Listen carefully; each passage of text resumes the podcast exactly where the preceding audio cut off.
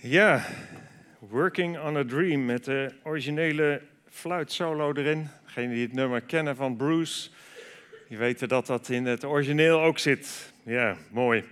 Vandaag uh, het vierde en laatste deel van, uh, van deze serie, waar we dus al een heel aantal weken mee bezig zijn, drie hiervoor.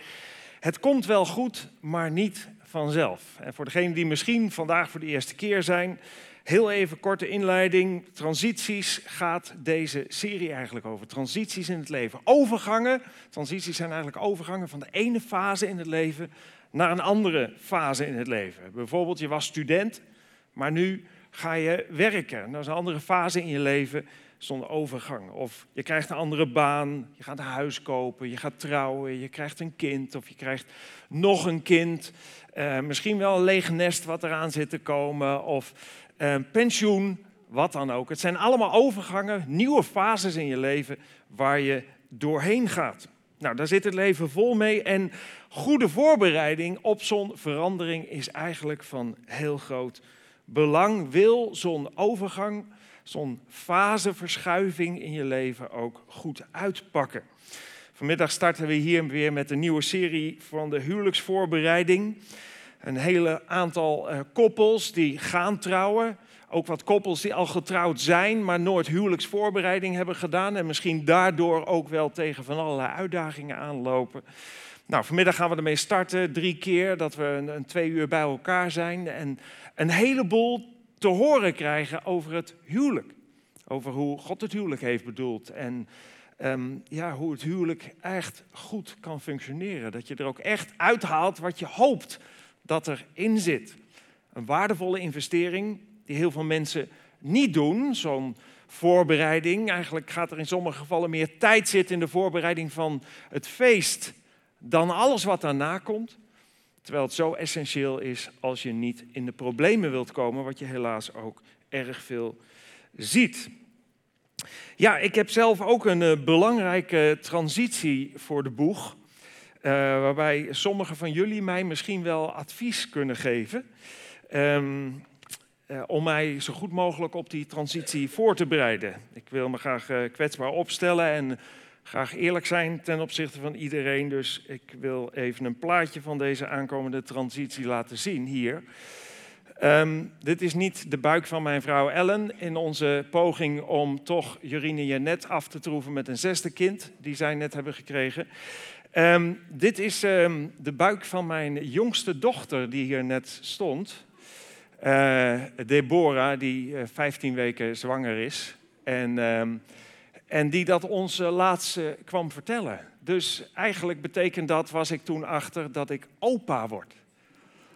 Ja, daar ben ik heel blij mee. Ja. Als alles goed gaat natuurlijk, dat spreekt voor zich. Maar ja, dat was prachtig toen ze dat, uh, nou ja, ze vertelde het niet eens. We kregen een fotoboekje en de laatste bladzijde was dan uh, dit plaatje. En toen was het wel helder. We hadden het ook niet verwacht natuurlijk. Je ziet deze dingen niet aankomen. Ze waren ook het kortste getrouwd, maar de anderen waren wat langer getrouwd. En daar hadden we het over gehad. Van, joh, heb ik alles zo goed uitgelegd en zo. Maar, um... maar goed, nu was het zover. En zij samen met haar man Robert verwachten in maart hun kleine. En dat is ook zo'n transitie, hè, waar ik eigenlijk het nieuw terrein. Hè, vraag je ook meteen af, mag ik dan ook naar die seniorenbijeenkomst en zo? Maar dat mag dan niet, daar ben ik veel te jong voor. En eh, allemaal dingen waarvan je denkt, ja, wat gaat dit nou inhouden? Nou, er zijn transities natuurlijk die ingrijpender zijn, zijn minder ingrijpend, dingen waar meer voorbereiding en minder voorbereiding voor nodig is. Maar het is altijd goed om erover na te denken, wat gaat het betekenen? En dat is ook waarom we deze serie zijn begonnen, want um, er zijn zo verschrikkelijk veel mensen waarmee het nu niet goed gaat in hun leven, of waarmee het een periode in hun leven helemaal niet goed is gegaan. Um, ja, terwijl dat voorkomen had kunnen worden als je je goed had voorbereid op die volgende fase. En misschien dacht jij toen ook, ach, het komt wel goed. Wie dan leeft, wie dan zorgt. Maar daar is soms onherstelbare schade uit ontstaan. En dat is natuurlijk ontzettend jammer. Het volgende is eigenlijk iets wat je altijd moet onthouden voor alle fases van het leven. Vrijwel alles in het leven gaat vanzelf fout. Oftewel, als je er niks aan doet is er een kans dat het de verkeerde kant op gaat. Of dat nou opvoeding is, of je huwelijk, of uh, onderweg naar een pensioen. Als je het niet voorbereidt, als je er niks aan doet, als je bijvoorbeeld niet voor spaart voor die tijd later, ja, dan gaat het vanzelf fout.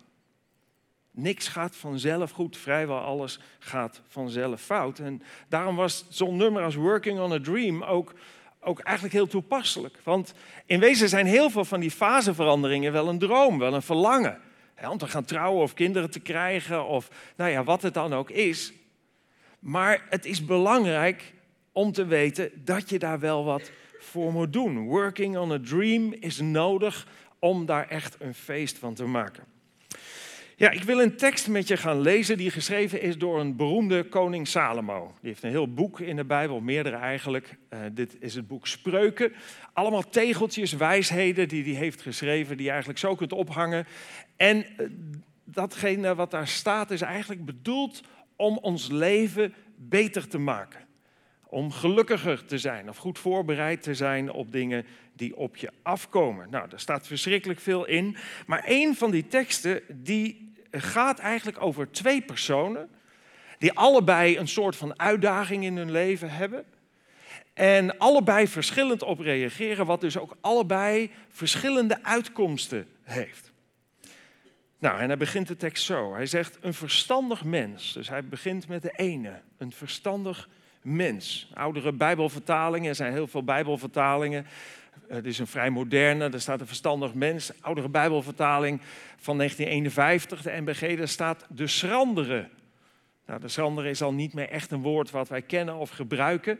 Ik was nog iets verder terug naar de Statenvertaling, die zegt de kloekzinnige. Nou, dan moet je echt nadenken, wat is dat? Weet iemand nog dat als je kloek bent, dat je slim bent? de kloekzinnige. Allemaal oud. De meeste Bijbels vertalen het met verstand of verstandig mens. Maar eigenlijk dekt het niet helemaal de lading. Want verstand heeft ehm, hier niet in eerste instantie met intelligentie te maken. Dus het gaat eigenlijk niet alleen om je verstand. Eigenlijk ligt het meer aan tegen wijsheid. Iemand die wijs is. Ehm, er zijn een heleboel mensen die ontzettend intelligent zijn, maar ontzettend domme keuzes maken in hun leven. En zo zijn er ook mensen die minder intelligent zijn, maar ontzettend wijze beslissingen nemen in hun leven. Dus het gaat niet om de intelligentie, het gaat erom eigenlijk om wijsheid. De toepassing, de goede toepassing met dat ehm, wat je ziet. Een belangrijk eh, kenmerk van een verstandig mens is dat je begrijpt dat alles in het leven met elkaar samenhangt. Alles in het leven met elkaar is verbonden. Een verstandig mens snapt dat een keuze van vandaag morgen wel verleden is, maar altijd terugkomt in de toekomst. dus dat een verstandige keuze vandaag wel morgen het verleden is, maar in de toekomst ook een positief effect heeft. Die connectie dat is iets wat hoort bij een verstandig mens. We lezen verder. Een verstandig mens, zegt Salomo, ziet het gevaar. Of je gevaar aanziet komen, of je potentiële problemen misschien in je leven aanziet komen, of je risico's goed inschat, is niet alleen afhankelijk van de capaciteit die je hebt om dat in te schatten, maar veel vaker nog dan de bereidheid om daarover na te willen denken. De bereidheid om gevaren of risico's ook echt onder ogen te zien. Ik heb vaak genoeg te maken gehad met mensen die bijvoorbeeld, terwijl ze getrouwd waren, verliefd werden op een ander. Dat begon met een onschuldig gesprekje op je werk bij de koffiezetautomaat. Of bij een wandeling met een collega in de pauze. Of het begon met een praatje op de sportschool, maar van lieverlee werd dat een beetje meer. Nou, een verstandig mens, zegt Salomo, ziet het gevaar. Of ziet het gevaar in omdat andere mensen dat tegen je zeggen. Dat kan ook. iemand die ziet, die zegt, joh, je gaat wel heel veel met die om. Of hey, pas je wel op, want je bent getrouwd. Of hoe dat dan ook gaat. Misschien ouders, familie, vrienden, collega's die dat zeggen. Een verstandig mens legt dat niet zomaar naast zich neer maar onderzoekt het en doet er wat mee. En dat is ook wat Salomo dan verder zegt, want hij zegt: een verstandig mens ziet het gevaar en brengt zich in veiligheid. Een verstandig mens ziet het gevaar, of gaat het gevaar inzien en brengt zich in veiligheid. Als jij bijvoorbeeld merkt dat je iets voor iemand gaat voelen die niet je man of niet je vrouw is, en je bent verstandig, dan gaan alle alarmbellen rinkelen. En breng je jezelf, maar niet alleen jezelf, maar ook je huwelijk, je vrouw en zeker ook je kinderen, in veiligheid door afstand te nemen. Dus je komt in actie, zou je kunnen zeggen. Je brengt, hij brengt zichzelf in veiligheid. We hebben denk ik allemaal wel eens gehoord van Jozef. Jozef, die, die jonge man die een prachtige jas kreeg, hè, die mooie musical die erover is gemaakt. Die kleurige jas die hij kreeg van zijn vader Jacob. Zijn broers die jaloers werden en hem verkochten als slaaf. En uh, waar hij in dienst kwam bij Potifar hè, als slaaf. En waar hij op een gegeven moment ook verleid werd door de vrouw van Potifar. Verleid werd om met haar naar bed te gaan en met haar het bed te delen toen Potifar away was. Zou ik maar zeggen. En daarover staat in de Bijbel dit. Op een dag was Jozef in huis aan het werk. Er was verder niemand. Toen pakte de vrouw van Potifar Jozef bij zijn kleren en zei: Kom hier, kom bij me liggen. Maar Jozef rukte zich los en vluchtte naar buiten. Een verstandig mens ziet het gevaar en brengt zich in veiligheid. Jozef wist heel goed dat je een lucifer nog uit kon blazen, maar een lucifer onder een berg stro niet. Het was echt niet zo dat ze waarschijnlijk niet aantrekkelijk was of dat soort dingen. En hij was een jonge knaap. Hij wist, als ik hiermee verder ga, dan heeft dat consequenties voor de toekomst. Dus voordat zijn bloed zijn hersens had verlaten omdat het elders nodig was en verstand daarmee onder zijn gordel zou zijn gezakt, vluchtte hij weg. En dat is verstandig, want er is een moment, er is een point of no return waarop je te laat bent. Dus hoe eerder, hoe beter het is dat je daarvoor vlucht. En dat typeert een verstandig mens. Een verstandig mens ziet het gevaar en brengt zich in veiligheid. De andere persoon die Salomo beschrijft, wordt vrij voor de hand liggend in de meeste vertalingen onverstandig genoemd. Maar in deze vertaling wordt gesproken van een onnadenkend mens. Een, iemand die gewoon niet um, goed nadenkt, niet goed afweegt en daarmee ook zijn toekomst bepaalt. Een onnadenkend mens is logisch ook vanuit die andere situatie, is iemand uh, die beslissingen neemt in het heden en denkt dat welke beslissing dan ook gaat behoren tot het verleden, dat is ook zo, maar geen impact heeft of geen connectie heeft met de toekomst. Zich daar ook geen zorgen over maakt. Komt wel goed. Of ach, morgen is het achter me, is het verleden geworden. Onverstandige of naïeve mensen zien niet of willen meestal niet zien dat alles in het leven met elkaar samenhangt. En ja, dat die negatieve consequenties later hoe dan ook komen. Je kunt heel onnadenkend je creditcard trekken en meer geld uitgeven dan je daadwerkelijk hebt. Maar vroeg of laat is de actie wel het verleden geworden, maar zijn de gevolgen in je heden te merken. Of je kunt denken dat je die hoge hypotheek wel op kunt brengen en dat het allemaal wel goed komt.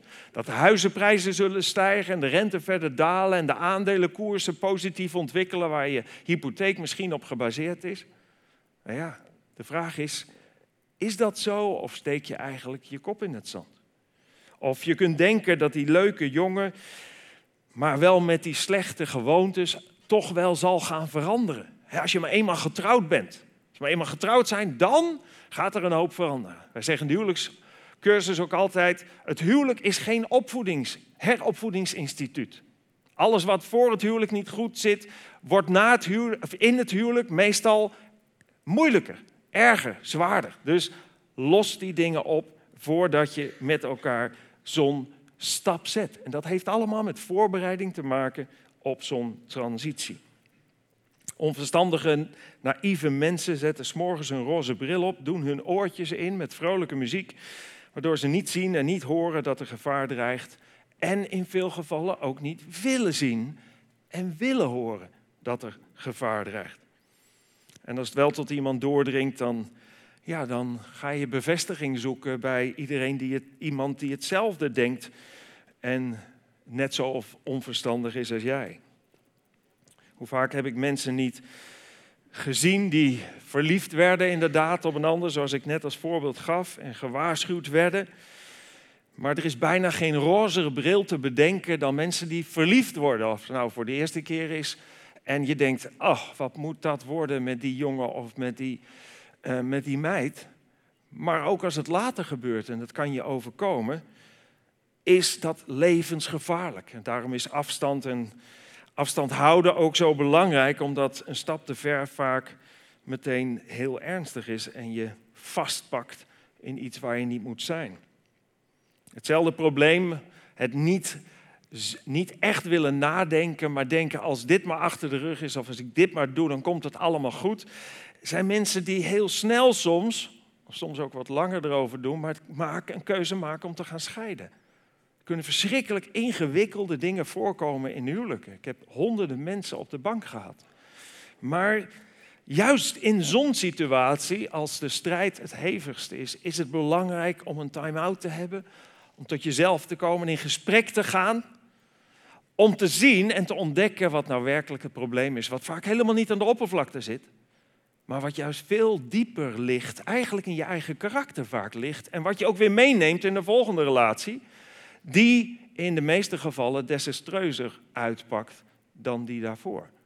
Als van de eerste huwelijken bijna de helft tot een scheiding komt, is het van tweede huwelijken bijna 75 procent wat het niet met elkaar uithoudt. Waarom? Je neemt jezelf mee in een nieuwe situatie. Veel beter en veel verstandiger en veel wijzer is het om te zoeken naar wat is nou echt ten diepste het probleem. Zodat niet alleen jij en je partner daar last van hebben, maar zeker ook je kinderen die daar eventueel bij betrokken zijn. Dat is ook de reden dat God vrij hard en vrij duidelijk zegt: Ik haat de echtscheiding. En, en hij zegt niet: Ik haat de mensen die het overwegen. Nee, hij houdt van ons allemaal. Maar hij wil zo graag dat we een andere weg kiezen dan een uitweg waar je op de lange termijn niet gelukkig van wordt, maar wat je nu niet inziet. Dat is de reden dat eigenlijk God die deur het liefst wil dichttimmeren. Ik bedoel, je bent vrij om te doen wat je wil, ook bij God, je hebt een vrije wil. Maar dicht wil timmeren om je te beschermen. Niet om je onder de duim te houden. Omdat hij zegt, er is een oplossing. En dat heb ik al zo vaak meegemaakt. Mensen die tot over hun oren in de shit zaten samen. En die drie maanden later aanmatigend verliefd bij ons op de bank zaten. En denk niet dat het kan. Dat, denk niet dat het niet kan. Ik zou zeggen, daag me uit. Je bent van harte welkom. Is altijd een weg terug. Ik moet zeggen, er is in de meeste gevallen een weg terug. Zeker waar twee mensen, en dat is natuurlijk een uitgangspunt, daar ook in willen investeren. En wat doet een onnadenkend mens? Nou staat er eh, door Salomo geschreven, een onnadenkend mens gaat het gevaar tegemoet. Dus die vlucht er niet voor, die ziet het wel of wordt er wel voor gewaarschuwd, maar gaat er gewoon naartoe. En wat zijn de consequenties? Ook dat zegt Salomo. En zal daarvoor boeten. Dat moet je niet zien als een straf, dat is een gevolg. Dat is, dat, dat is een gevolg van een actie die je doet. En daarom wil Salomo ook zo graag die bescherming bieden en zeggen: denk nou na voordat je zomaar iets doet. Neem daar de tijd voor voordat je zo'n transitie ingaat. En eigenlijk geeft Salomo ook meteen een advies mee waarvan hij overtuigd is, waarvan ik ook overtuigd ben dat dat hetgene is waar je je verstand mee zou moeten vullen om te komen tot wijze besluiten in je leven die je uiteindelijk gaan brengen waar je ten diepste op zoek bent. En dat is toch geluk. We willen graag gelukkig zijn. Hij zegt: vertrouw op de Heer met heel je hart. Steun niet op eigen inzicht. Je kunt er wel beredeneren en denken: laten wij het eens allemaal anders doen. Ik zeg dat ook regelmatig over huwelijken. We doen de huwelijken, richten onze huwelijken heel anders in dan de kaders die God daarvoor heeft aangereikt. Maar we moeten dan ook eerlijk zijn en kijken hoe succesvol zijn we dan nu met elkaar als we wel op ons eigen inzicht steunen en zeggen, ja, dat van God is toch allemaal ouderwets en achterhaald, laten we het op een nieuwe manier doen. Dat is prima, als we eerlijk zijn, dan brengen we het er met elkaar niet zo goed af. Hoe ongelooflijk veel gebrokenheid er in gezinnen is. Hij gaat verder, Salomo zegt, denk aan hem bij alles wat je doet. Dan baant hij voor jou de weg. Je hoeft het niet eens zelf te doen. Als je zijn weg volgt, is het de weg die hij gebaand heeft. Als je je eigen weg volgt, is het de weg die je ook zelf moet ontdekken met vallen en opstaan en soms heel hard vallen.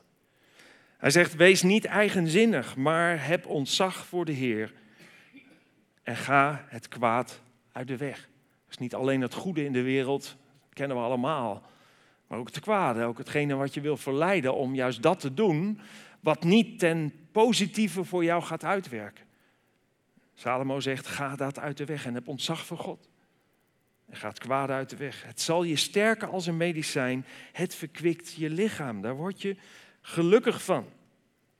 Ik heb vaak genoeg op eigen inzicht vertrouwd. Ik heb vaak genoeg gezien hoe het niet werkt en hoe je daarvan dan niet de positieve vruchten plukt die je graag wil.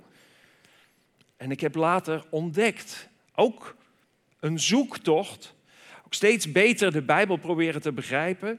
Niet alleen wat staat er nou, maar vooral waarom staat het er nou? Waarom, waarom moet het nou zo moeilijk soms? Ja, omdat de makkelijke weg de weg bergafwaarts is.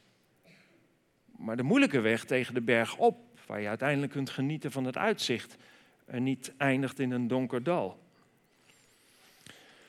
Ik zou ook jou willen uitdagen om de proef op de som te nemen. Misschien heb je er helemaal geen ervaring mee, misschien weet je nog weinig van de Bijbel. Om de proef op de som te nemen, om eens te gaan ontdekken, probeer dat blanco, om te kijken welke weg is dat dan die God wijst. En waarom geeft God dan dat advies om deze weg te bewandelen? En wat is de dieperliggende bedoeling van dit alles? Nou, we hebben al twee cursussen voorbij zien komen. Waarom leef ik hier op aarde? Maar voor deze hele basale vraag is zeker ook die cursus op zoek naar God een hele goede stap om vanuit te vertrekken. Tot slot in deze serie wil ik nog één transitie met jullie bespreken die niet besproken is. Eén overgang van die ene levensfase naar die andere fase die nog niet aan bod is gekomen, terwijl grofweg 100% van de mensheid met deze overgang te maken krijgt. En dat is de overgang van het leven naar de dood.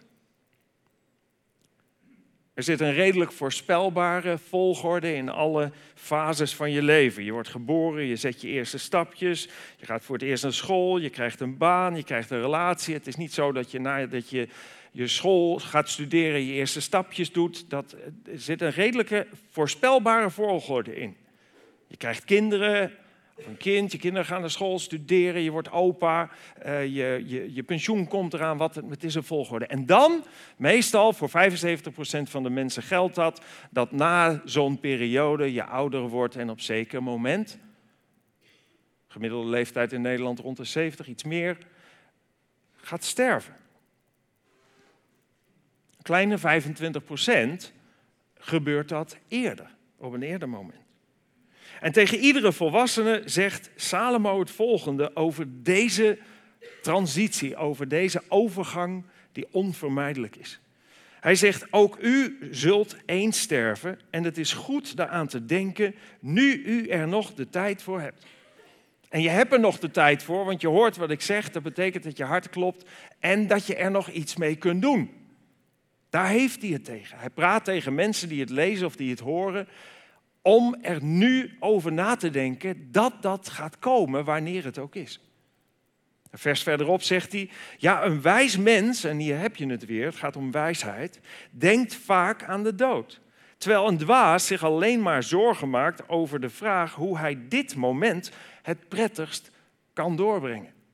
En dat kan, maar als het moment zich dan aandient, is het de vraag of je bent voorbereid op die transitie. Waarom vindt Salomo dat zo verstandig om over de dood na te denken? Omdat het, zoals ik al zei, voor ieder mens onvermijdelijk is, die dood. En ik geloof, en Salomo gelooft, dat de dood niet het einde is, maar het begin van eigenlijk de grootste overgang die je meemaakt. Van, de, van het leven naar de dood. En daarover zegt de schrijver van het Bijbelboek Hebreeën: eenmaal moet de mens sterven en dan volgt het oordeel. Dat is niet een, een bangmaker of zo, of een dreigement. Nee, dat is om je wakker te schudden. Realiseer je wel, als je niet nu in deze tijd waarin je leeft en dit hoort, iets doet en erover nadenkt, dan ben je misschien straks niet klaar voor het moment dat die overgang, die veel minder voorspelbaar is dan al die andere, zich aandient. En wat wordt er dan beoordeeld als hij spreekt over een oordeel? Dan wordt beoordeeld welke keuze je in je leven, misschien wel vandaag hebt gemaakt, toen je uitgenodigd werd om met God in het reine te komen. Om met God in het reine te komen. De wereld die God voor de toekomst heeft beloofd, die is er ook. Het is niet alleen het hier en het nu, maar die andere fase eindigt uiteindelijk in een wereld die God heeft beloofd. Ja, die ziet er heel anders uit dan deze wereld en is ontzettend aantrekkelijk. Een van de leerlingen van Jezus, Johannes, kreeg een glimp te zien van die wereld en in het laatste Bijbelboek Openbaring schrijft hij daar wat over. Hij zegt, toen zag ik een nieuwe hemel en een nieuwe aarde. De hemel en de aarde van vroeger waren verdwenen, dat is de huidige. En ook de zee was er niet meer.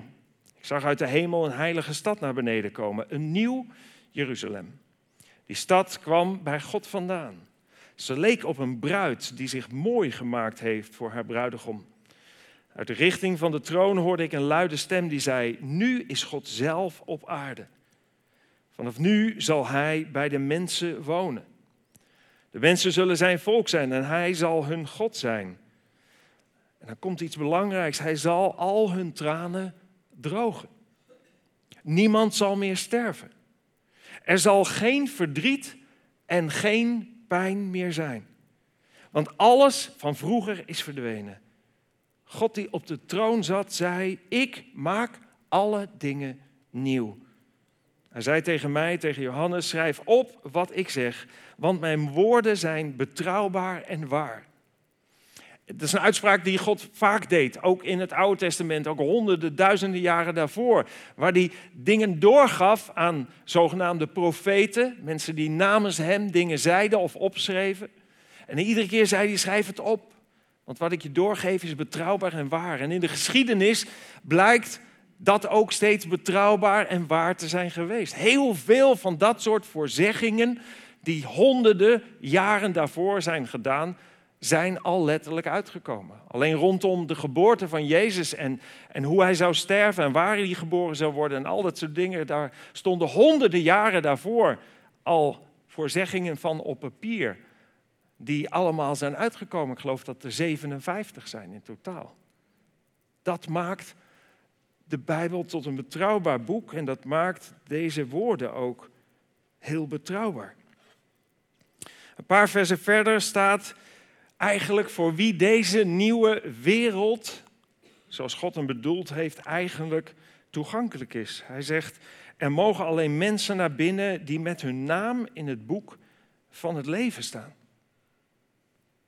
De naam in het boek van het leven. Zou je dat uitleggen. Ik geloof dat God de schepper is van deze wereld. Ik geloof dat God de schepper is van het leven. Ik denk dat je wel een heel gekleurde bril op moet zetten en oortjes in met hele harde muziek. Als je wilt blijven beweren dat alles zomaar vanzelf is ontstaan en dat er geen enkele redelijke intelligentie ten grondslag zou liggen aan wat er nu is. Tenminste, ik vind, ik kan het niet meer verzamelen, bij wijze van spreken, om dat te geloven. En ergens geloof ik dat ieder dat ten diepste ook wel weet. Maar de vraag is, wil je het weten? Wil je ervoor openstaan? En heel veel mensen willen dat niet, omdat ze niet de consequenties willen, niet hun autonomie willen opgeven en een, een autoriteit boven zich willen accepteren. Paulus schreef daar iets over, over mensen die het wel konden zien, maar niet wilden zien. En wat ik al zei, het geldt voor iedereen. Hij zegt, God is wel onzichtbaar, maar zijn werk, alles wat hij heeft gemaakt, geschapen, bewijst zijn eeuwige kracht. Want sinds het ontstaan van de wereld is zijn bestaan duidelijk te herkennen uit wat hij gemaakt heeft. Daarom hebben de mensen geen enkele verontschuldiging. Hoewel de mensen in staat waren God te kennen, wilden ze hem niet de eer geven die hem toekomt en hem niet eens danken voor alles wat hij heeft gemaakt. Dat was toen zo, dat is nu nog steeds zo. Ze hielden zich met allerlei ideeën bezig. In hun verdwazing raakten zij het spoor bijster. Hoewel ze dachten dat ze alles wisten, waren ze in werkelijkheid dom. En eigenlijk geldt het ten diepste voor iedere mens dat we ons van tijd tot tijd um, laten verleiden om te geloven dat leven zonder God een leven is waarvan je gelukkig kunt worden. Een leven is wat perspectief heeft. En we worden allemaal van tijd tot tijd verleid om daarin ook te experimenteren, zou je kunnen zeggen. Er staat, Jacobus, de broer van Jezus, schrijft, de begeerte nu waaraan wordt toegegeven, hè, als die verleiding er is en je gaat daarin mee, brengt zonde voort. Zonde is dat eigenlijk wat de relatie tussen God en mens bedreigt. En als de zonde volgroeid is, baart ze de dood. Dat betekent niet dat als je dingen doet die buiten Gods kaders gaat, dat je dood neervalt. Maar dat het een geestelijke dood met zich meebrengt. Oftewel een scheiding tussen jou en God. Die je ervaart als, als leegte en die ons eigenlijk allemaal als een soort van gelukzoekers maakt. Steeds op weer op zoek naar geluk en steeds opnieuw blijkt dat we weinig succesvol zijn in die zoektocht. Steeds blijft, blijkt het geluk wel vindbaar, maar blijkt het zo kort houdbaar. En dan zijn we weer toe aan een nieuwe auto of een nieuwe baan of een nieuwe uitdaging, een nieuwe keuken, een nieuwe vrouw, een nieuw huis, een nieuw... Steeds maar weer in die zoektocht naar geluk. Om steeds maar weer te ontdekken, hier is het toch niet in te vinden. En God had gemakkelijk kunnen zeggen, joh, je hebt een vrije wil. Dat is nodig, want anders kan liefde niet bestaan. En in je vrije wil heb je gekozen om mij de rug toe te keren en een andere kant op te gaan. Heb je je niet gekozen als verstandig mens te gedragen, maar juist als naïef, als, als onverstandig? Prima, jouw verantwoordelijkheid, jouw keuze, jouw consequenties. Zoek het uit, veel plezier. Had God kunnen doen. Alle recht toe. Maar als God echt liefde is, en God is liefde, dat geloof ik, dan kan dit niet de weg zijn en dat werd ook niet de weg. Er is een ontzettend eh, bekend vers, wat, wat je misschien wel honderd keer hebt gelezen of wat je nog nooit hebt gehoord. Dan hoop ik dat als je het voor het eerst hoort, dat het je hart zal raken. Want daar staat, God heeft zoveel liefde voor de wereld, zoveel liefde voor ieder mens op deze wereld, ook zoveel liefde voor jou persoonlijk, dat hij niet zegt, nou weet je wat, met al die dingen die jij koos, zoek het uit. Nee, dat hij zijn enige zoon heeft gegeven, zodat ieder die in hem gelooft, niet verloren gaat, maar eeuwig leven heeft. Iedereen die, die gelooft dat Jezus is gekomen op deze wereld, Iedereen die gelooft dat Hij gestorven is voor onze zonden en tekortkomingen en dat Hij de verbinding op het kruis is geworden tussen de verloren mens en God en daarmee een connectie tot stand kan brengen waar we ten diepste allemaal naar verlangen. Wat ons vrede, wat ons rust, wat ons onvoorwaardelijke liefde en wat ons hoop voor de toekomst geeft. Over de grens van de dood. Eeuwig leven heeft. God heeft zijn zoon niet naar de wereld gestuurd om de wereld te veroordelen, maar om haar van de ondergang te redden. Jezus kwam naar deze wereld om met zijn eigen leven de prijs te betalen voor onze zonden.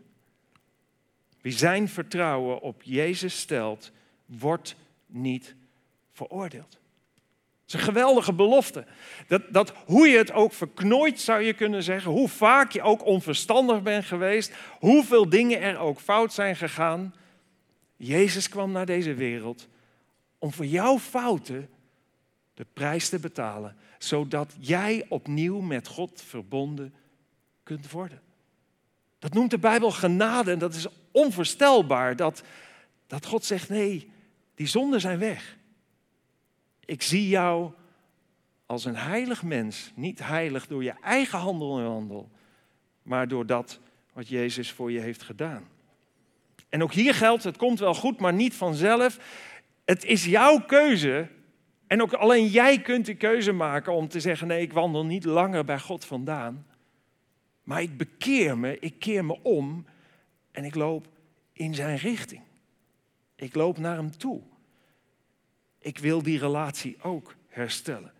Het zwaarste werk is door Jezus gedaan. Hij heeft de prijs betaald. En eigenlijk hoef jij alleen te zeggen, ja te zeggen eigenlijk tegen de uitnodiging die Jezus ook vandaag aan jou doet. Om je leven te geven, om Hem te vertrouwen.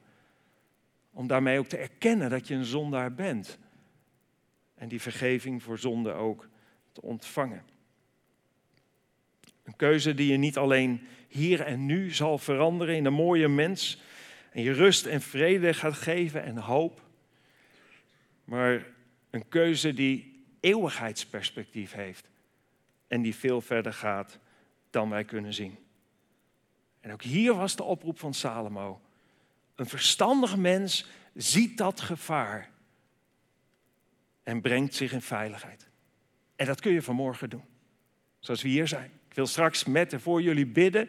En tijdens dat gebed wil ik je eigenlijk uitnodigen, net zoals Jezus je uitnodigt, om die keuze vandaag te maken. Om hier niet vandaan te gaan zonder dat je hebt gezegd, dat wil ik ook. Daar verlang ik ook naar. Die stap wil ik ook vandaag zetten.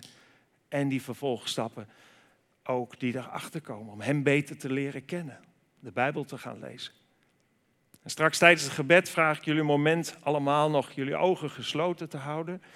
En als je voelt dat God jouw hart heeft aangeraakt, dat je voelt dit is een uitnodiging aan mijn adres, dan wil ik je straks uitnodigen om even je ogen open te doen, met mij oogcontact te maken en je hand op te steken, duidelijk.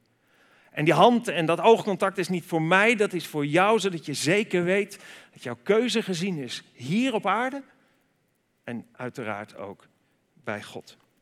Zullen we samen bidden? Dank u wel, Heere God, voor uw liefde.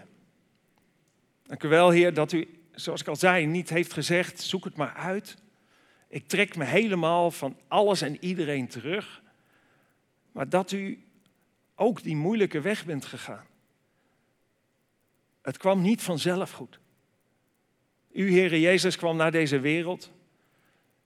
U heeft veel verteld en veel doorgegeven en veel van uw liefde aan mensen laten zien.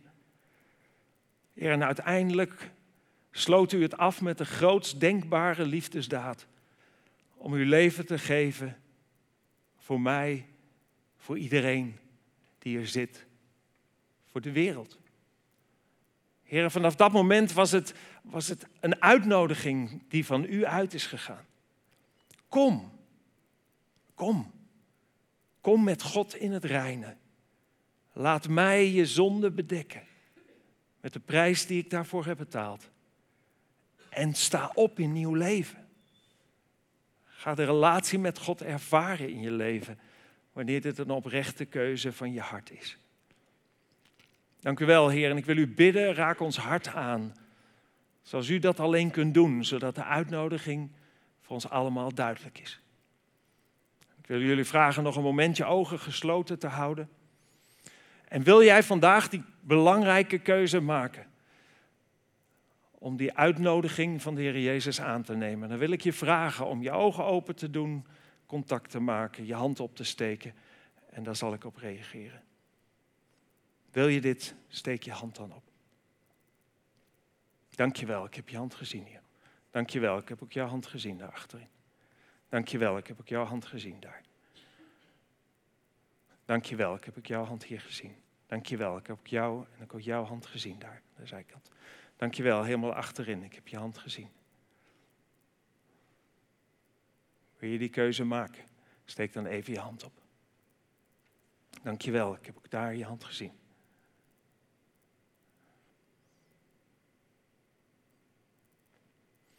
Dank u wel, Heere God, voor de mensen die hun hand hebben opgestoken. Heer, ik wil u danken en ik wil u ook bidden of u in hun leven wilt doen wat u beloofd heeft. Heer, en ik heb het al zo tientallen, tientallen keren zien gebeuren. Hoe mensen veranderen. Hoe ze u beter leren kennen. Hoe het geluk in hun leven komt. Heer, en ik wil u bidden of u dat ook bij al deze mensen wil doen. Wil hen helpen om verstandig te worden en verstandige keuzes te maken. Die tot eer van u zijn. En, en die goed zijn voor onze omgeving. Mensen die dicht bij ons staan. Heer, ik wil u bidden voor de mensen die hun hand misschien wel wilden opsteken, maar het niet durfden. Of misschien nog heel erg zoekend zijn en, en zeggen van ik weet het allemaal nog niet zo met, met, met God en met de Bijbel en met Jezus. Heer, u zegt wie mij zoekt zal mij vinden. Als we oprecht op zoek zijn, dan zullen we u vinden en u bent een geduldig God. Ik wil u bidden, Heer, of u ja, zo ons leven wilt leiden. ook voor mensen die u al langer kennen met, u, met uw leven, misschien al langere tijd.